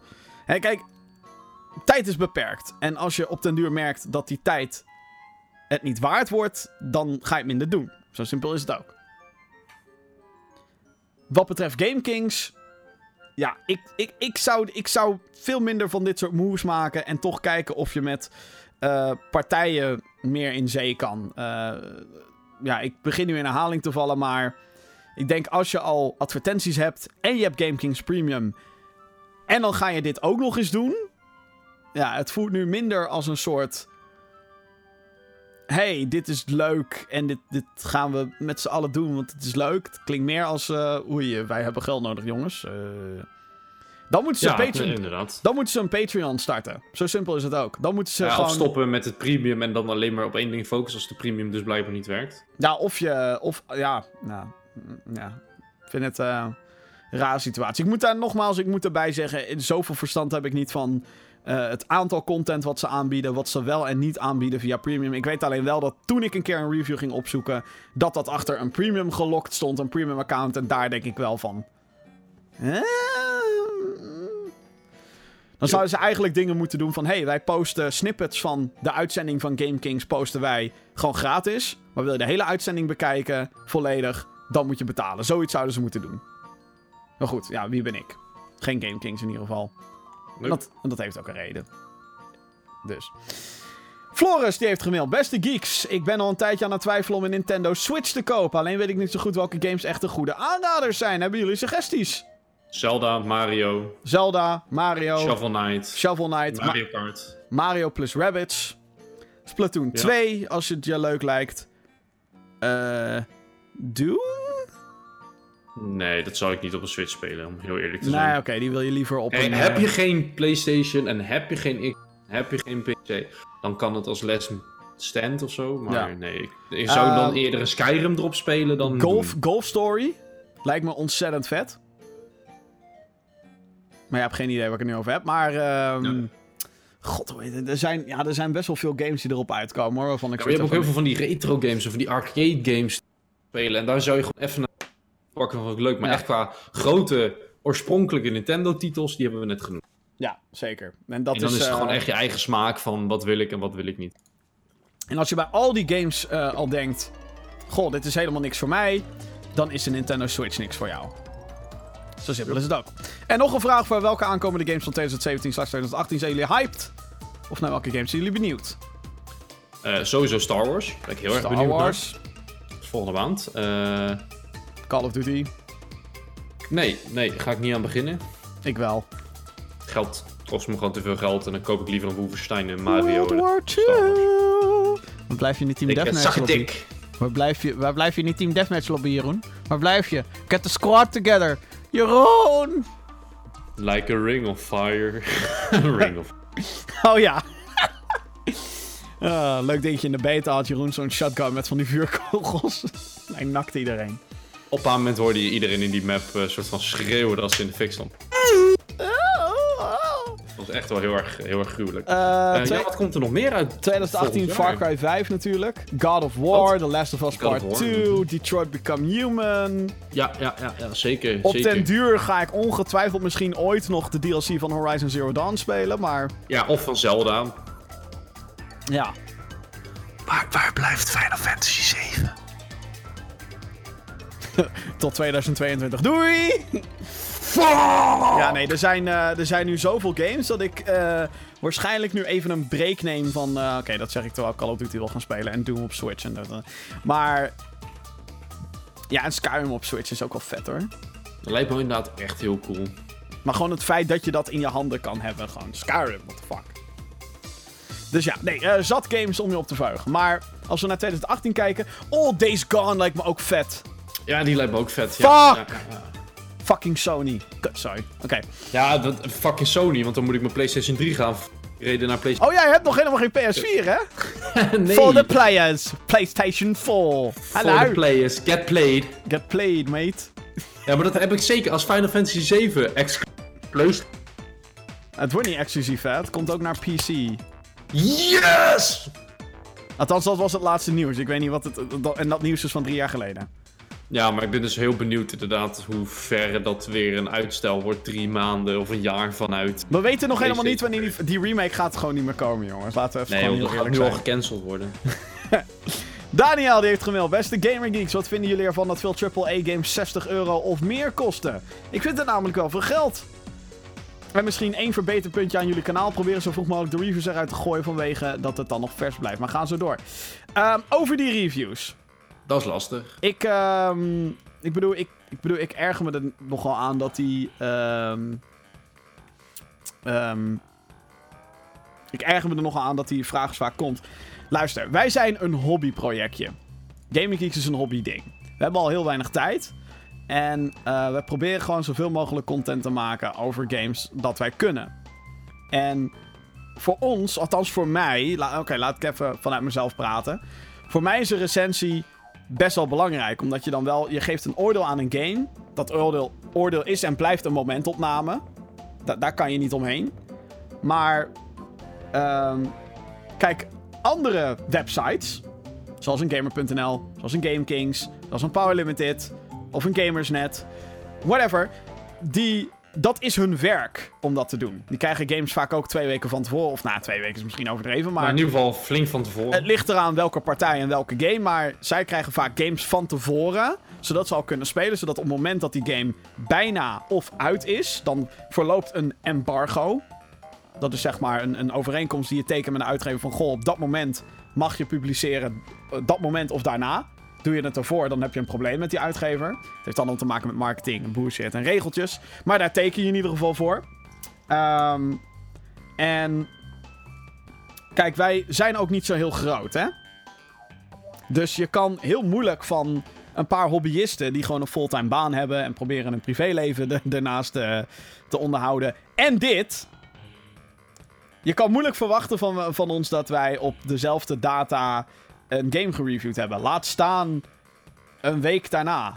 Want een- Maar ja, weet je, het is ook, de kwaliteit gaat achteruit als we zo snel in een dag een. een Nou, we hebben, we hebben wel video's zoals eh, het eerste uur en hoe Ja, goed precies. is en wat vinden we van en dat soort dingen. En de podcast natuurlijk, daar delen we onze eerste indrukken mee. En goh, eh, Jeroen, jij hebt dit eh, nu al een weekje gespeeld. Hoe is het? Hey Jim, je hebt dit nu eh, een weekje gespeeld. Wat vind je daar nou van?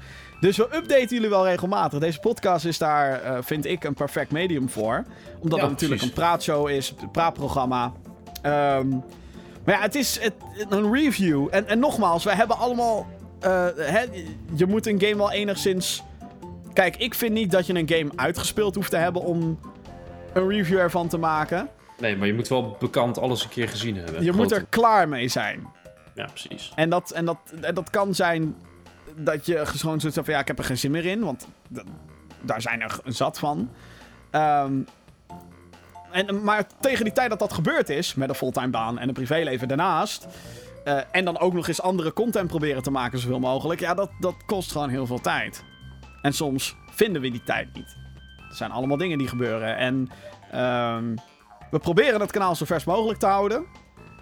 Alleen, ja, life gets in the way. En ehm, als je het echt per se van ons sneller wil hebben, ja, dat klinkt super lullig dit. En dan kom je een moet je beetje... eh, mega minen. Dan on- Ja, exact. Ja, nee, maar zo simpel is het wel. Kijk, ik kan moeilijk eh, nu zeggen tegen, tegen mijn werkgever... Yo, ik ga even een dag minder werken. Of twee dagen minder.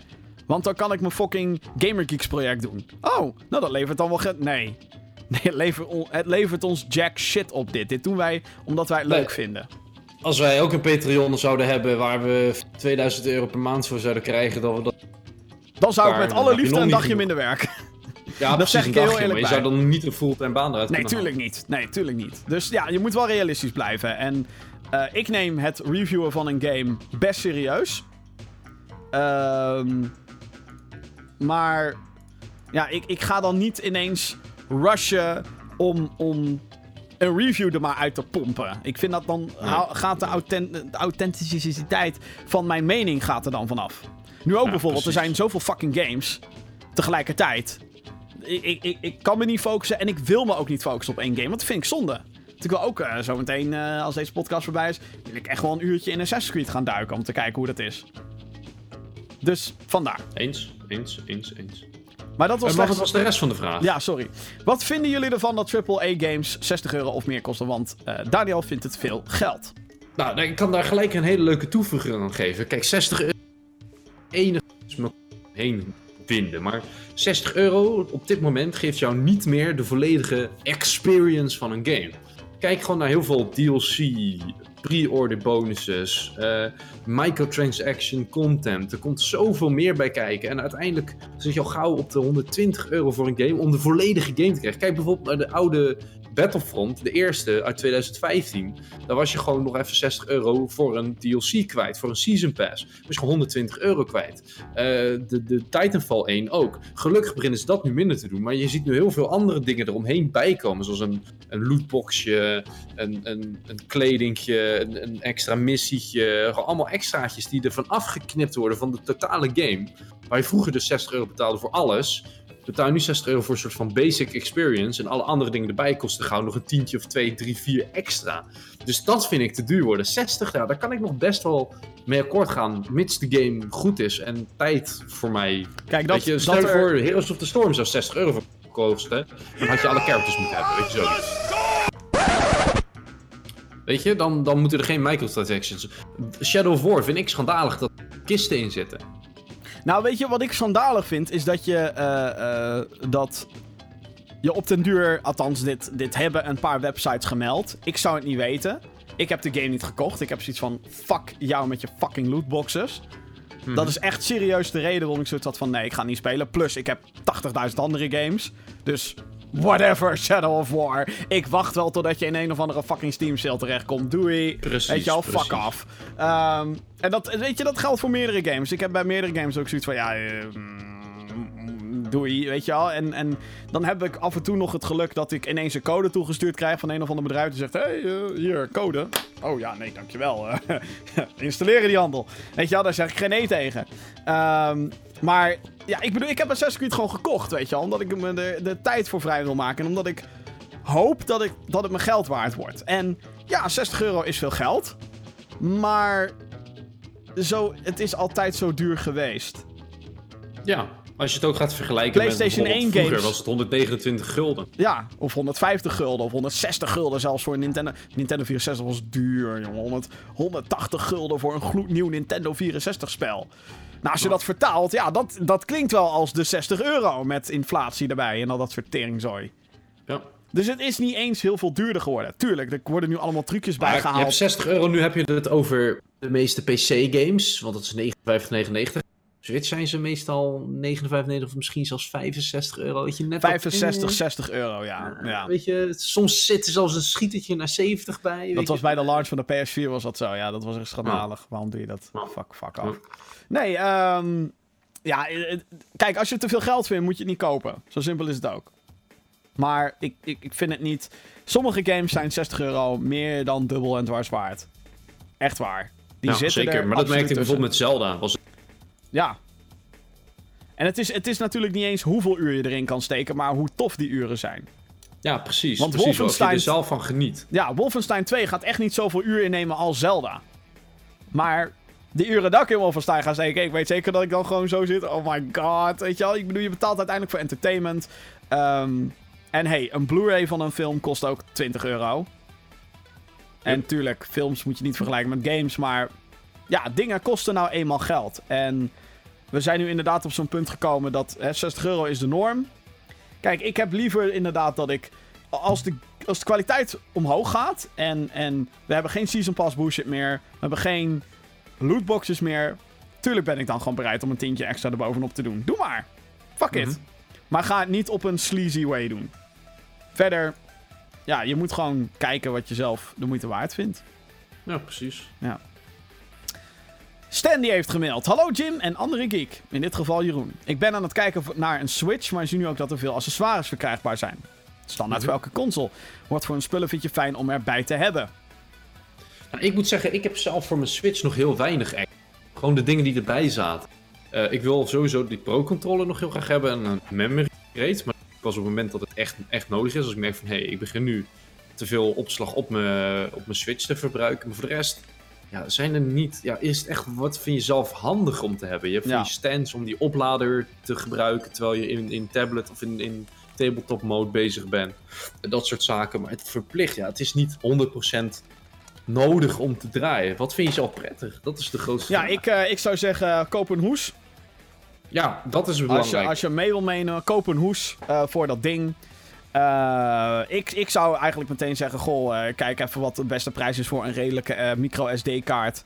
En doe dat meteen, want dan heb je dat opslaggezeik heb je dan ook meteen niet meer.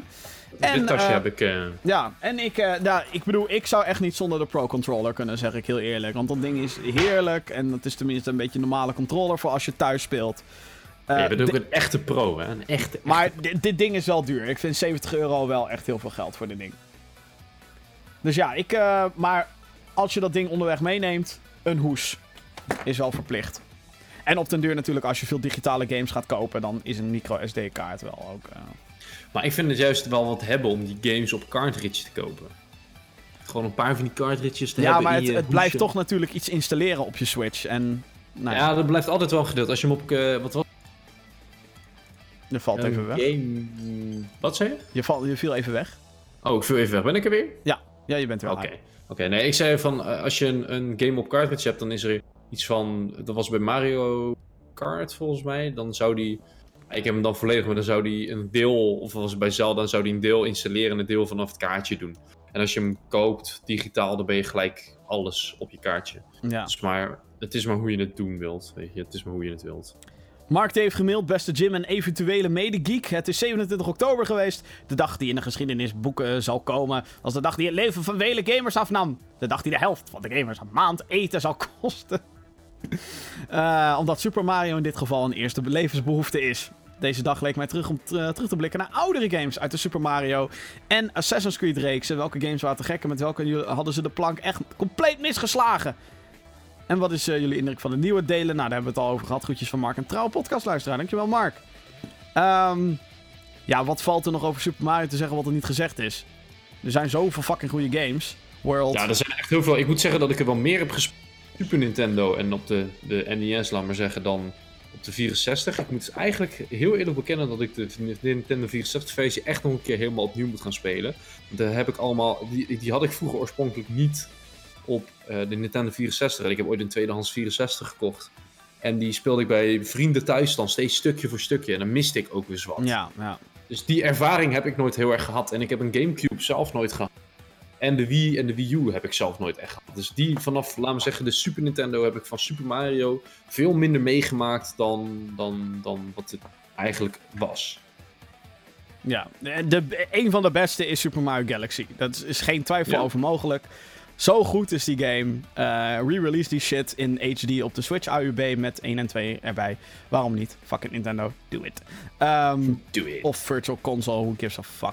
Ehm, en ehm, Ja, Super Mario World. Kijk, Super Mario. Het is lastig om daarop terug te blikken. Want heel veel delen zijn ook een beetje een smaakkwestie van welke je de beste vindt en welke niet. Wat betreft Assassin's Creed. Daar kan ik heel makkelijk over zijn. 2 en Brotherhood was het absolute hoogtepunt. 3 was meh. Revelations meh. 4 was heel goed. Unity was hartstikke kut. En Syndicate was wel weer goed. Dus. Daar hebben ze de plank echt misgeslagen met Unity. Dus. Stijn, die heeft gemeld. Dag Gamergeeks, ik zit met een dilemma. Ik heb onlangs de nieuwe Wolfenstein en Assassin's Creed aangeschaft. Maar ik wil ook Mario Odyssey spelen. Denk je dat het slimmer is dat ik de Mario Switch bundle nu aanschaf? Of rond de eindejaarsperiode wanneer het solden zijn? Ik Het zal denk sale sales. zijn of zo. Eh, Ja. met, maar met het risico dat de bundel niet meer verkocht wordt. Groetjes van Stijn. Eh, de bundels die Nintendo uitbrengt zijn vaak de bundels die heel lang eh, op de loopband eh, geproduceerd blijven worden. Dus er zijn nog steeds Mario Kart 8 bundels, er zijn nog steeds Splatoon bundles en een Mario Odyssey bundle. Kijk, op den duur kan je ook gewoon de Switch kopen en dan de game daarnaast. En hoe ja, kleurtjes met Joy-Cons, who gives a fuck. Eh, laten we heel eerlijk zijn. Ehm, en zoveel goedkoper is het niet. Er, er was laatst wel een aanbieding dat het best wel cheap was, de Mario bundle. Maar ik zou gewoon daarnaar kijken. Ja, die Ehm, Mario bundle bij de Mediamarkt voor 300. ja, maar dat is nu dus alweer duurder. Dat was een tijdelijke Ja. aanbieding. 333 euro, dat is het al lang niet meer. Ehm, ja, ik denk, ik denk dat ze... Tuurlijk gaat er nog wel her en der misschien nog gestund worden met prijzen. Maar ehm, ja, ik zou het gewoon even afwachten. Kijk, als je nu Assassin's Creed en Wolfenstein hebt... dan ben je volgens mij de aankomende wel even zoet, ja. maanden wel even zoet. Ehm, en als je dan echt een te gekke aanbieding vindt dat een Switch echt goedkoop is met Mario, ja, fuck it, weet je, haal dan maar. En vind je het nu al het geld waard, haal het dan ook gewoon. Kijk, als je nu de tijd en het geld ervoor hebt, waarom niet? Alhoewel je dan natuurlijk best genaaid voelt als het de- week erop ineens, eh, ineens heel goedkoop is. Maar ja, weet je, er moet toch gecashed worden nu. Want eh, kerst en Sinterklaas komen eraan. De games zijn er nu. De enige echte grote die nog moet uitkomen is Call of Duty. En ja, weet je, laat dan het geld maar binnenrollen. Want dan liggen alle kaarten op tafel, bij wijze van. Behalve dan voor de Switch zelf, want dan komen Doom en Skyrim nog uit. Maar Nintendo's kaarten liggen er in ieder geval al. En volgens mij eh, hebben ze het eh, best naar hun zin. Als ze naar een portemonnee kijken. Er zit Oh, allemaal... Robert die heeft gemaild. eh, beste Gaming Geeks en hopelijk Jim, want deze vraag is voor hem. Aangezien 27 oktober zo lekker rustig was qua games. Mario Odyssey, Wolfenstein, Assassin's Creed Origins. Eh, wat vinden jullie van deze games? Hebben we al besproken. Assassin's Creed nog niet gespeeld. Wolfenstein 2 te gek. Mario Odyssey te gek. Jolo Marijn, goedendag Pro Gamer Jim. Daarom heeft hij een pro-controller. Mijn vrienden spelen ehm, Ark Survival Evolved en zeggen dat ik het ook moet spelen. Alleen, ik weet niet wat voor spel het precies is en mijn vrienden leggen het een beetje raar uit. Ark Survival, dat is die Ark game, dat is toch die survival game Ja. gewoon letterlijk. Weet jij of het Ja, een leuk dat spel is? gewoon, eh, Ik heb de game wel, alleen ik heb er letterlijk nog geen tijd voor gehad om het te spelen. Ja, maar ik, het, het pakt me ook niet zo. Het is een survival game, dus je moet heel het een, lang het is een media, het, het en- is een Minecraft. Nee, joh, het is geen Minecraft. Het Minecraft is, is, een- het is een Minecraft met realistische graphic. het is DayZ, maar dan met dino's. ja, nee, dat is het toch? Het is Minecraft met dino's. Het is helemaal geen Minecraft, joh. Fuck off. Jesus Christ. Nee, het is geen Minecraft. Nee, het is, ja, het is een survival game. Ja, je moet is. huisjes bouwen, je moet allemaal shit bouwen. Ja. Maar niet à la Minecraft. Dus niet dat je, zeg maar, met je vuistje tegen een boom aanslaat en dat die boom dan in één keer weg is. Nee, dat moet je met eh, een hakbeltje doen. Maar je kan wel echt je characters zo raar bouwen, dat is echt zo grappig. Ja. En dan de laatste van Julian. Eh, hey GamerGeeks, ik heb gewoon maar een kort klein vraagje. En dat is, gaan jullie Wolfenstein en New Colossus reviewen? Ongetwijfeld. Wanneer, dat weet ik nog niet. Ik Maar- ga die game sowieso kopen. Je moet alleen even kijken wanneer. Volgend jaar, in de Steam sale. Nee, wel iets sneller. Iets sneller. Ietsje sneller. Ietsje sneller. Oké. Eh, dan gaan we nog eh, naar de releaselijst. Om te beginnen aan het, richting het einde van deze show te gaan. Maar die releaselijst, eh, ja, dat- we kunnen er heel kort over zijn. Thanks trouwens voor alle mailtjes. Moet ik even Ja. erbij zeggen. Leuk, leuk om vragen te krijgen. Podcast.gaminggeeks.nl, daar kan je de hele week nog naar mailen. Ehm, de releases. Ik heb er maar liefst drie. Ja, en ik zie er echt Eentje dat ik denk van, nou, die kunnen ze gelijk terugdouwen. Twee van, ja, eentje koop ik er niet en de ander, ja, dat kan ik niet, want ik heb geen Nintendo 3DS. Oké. De eerste is Bubsy, The Woolies Strike Back. Die komt uit op 31 oktober voor de PlayStation 4 en de PC.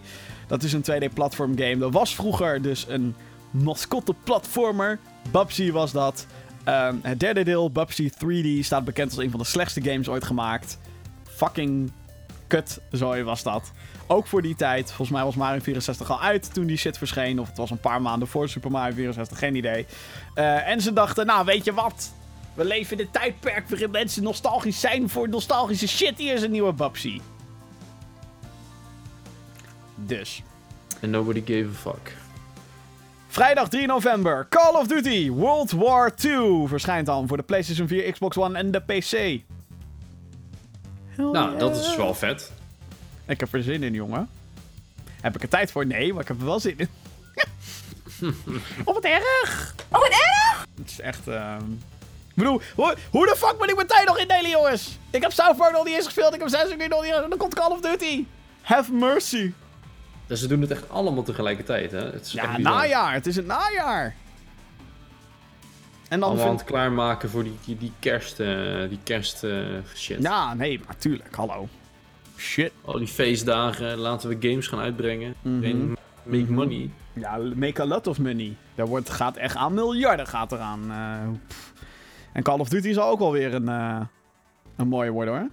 En dat vind ik zeg maar het interessante. Ik ben nu dus fucking benieuwd wie er bovenaan die saleslijst komt te staan. Gewoon, Ja, ik ben wel benieuwd wie er gaat winnen. welke game wordt het in totaal? Weet je wel, Destiny 2 verkoopt fucking goed. Super Mario gaat... Nou ja, die gaat natuurlijk niet Destiny 2 en, en, en Call of Duty bieden. Al is het alleen maar omdat het alleen voor de Nintendo Switch is. Maar ik ben toch benieuwd. Ik vind het spannend. En ook op 3 november eh, Kirby Battle Royale voor de Nintendo 3DS. Eigenlijk een eh, multiplayer Smash Brothers, maar dan met Kirby's. En Kirby characters. Dus multiplayer, Nou ja, ik heb geen 3DS, dus ja, jammer. multiplayer focused op de Nintendo 3DS. Ik vind dat altijd raar als ze dat doen. Dat hebben ze natuurlijk een aantal keren al gedaan met Metroid, Metroid Prime Federation Force. Metroid Prime. En eh, Zelda, god hoe heette die? Triforce Heroes geloof ik. Ook zo'n co-op, op co-op based Zelda game. Op de 3DS. Wat? Breng die shit uit voor Switch. Wii U. Whatever. Je snapt me. En dat was het eh, wat betreft de releaselijst. Er komt echt bijna geen fuck uit voor de rest. Op Steam natuurlijk wat, Helaas. wat, wat troep. Maar eh, voor de... Ja, en het is wat, altijd troep. en wat VR-games, maar. Fuck if I know. Ehm, ja, dus we zijn eh, aan het einde gekomen van eh, deze aflevering van de Gaming Geeks podcast. Het was alweer aflevering nummer 24. Eh, aankomende week ga ik mijn best doen om eh, video's te maken over de Big Three. Eh, daarmee bedoel ik dus Assassin's Creed Origins, Super Mario Odyssey en Wolfenstein 2. Ehm, ja, verwacht daar dus geen volledige reviews nog van, maar mijn eerste indrukken mooi samengevat in een video. En ehm, ja, je durft het bijna niet te zeggen, maar het is toch echt zo. Onze video over First Look Festival komt nog online. Yes. En eh, daarin gaan we het vooral hebben over 10 jaar First Look. We hebben een aantal hele toffe mensen gesproken. Die daar eh, wat Zeker, interessante zeker. dingen over, eh, over gezegd hebben. En ik denk dat het een mooie wordt. Maar goed, ik zou zeggen, hou gewoon onze website in de gaten. www.gamergeeks.nl Of onze Twitter, twitter.com slash gamergeeksnl. Want daarin laten we ook weten wanneer er iets nieuws online staat. Wanneer we weer live gaan met een stream of whatever. Dus ehm, doe dat vooral. Ja, zeker. Oké mensen, thanks voor het kijken en wel luisteren naar deze editie van de Gamer Geeks podcast. En graag tot een volgende keer. Oei.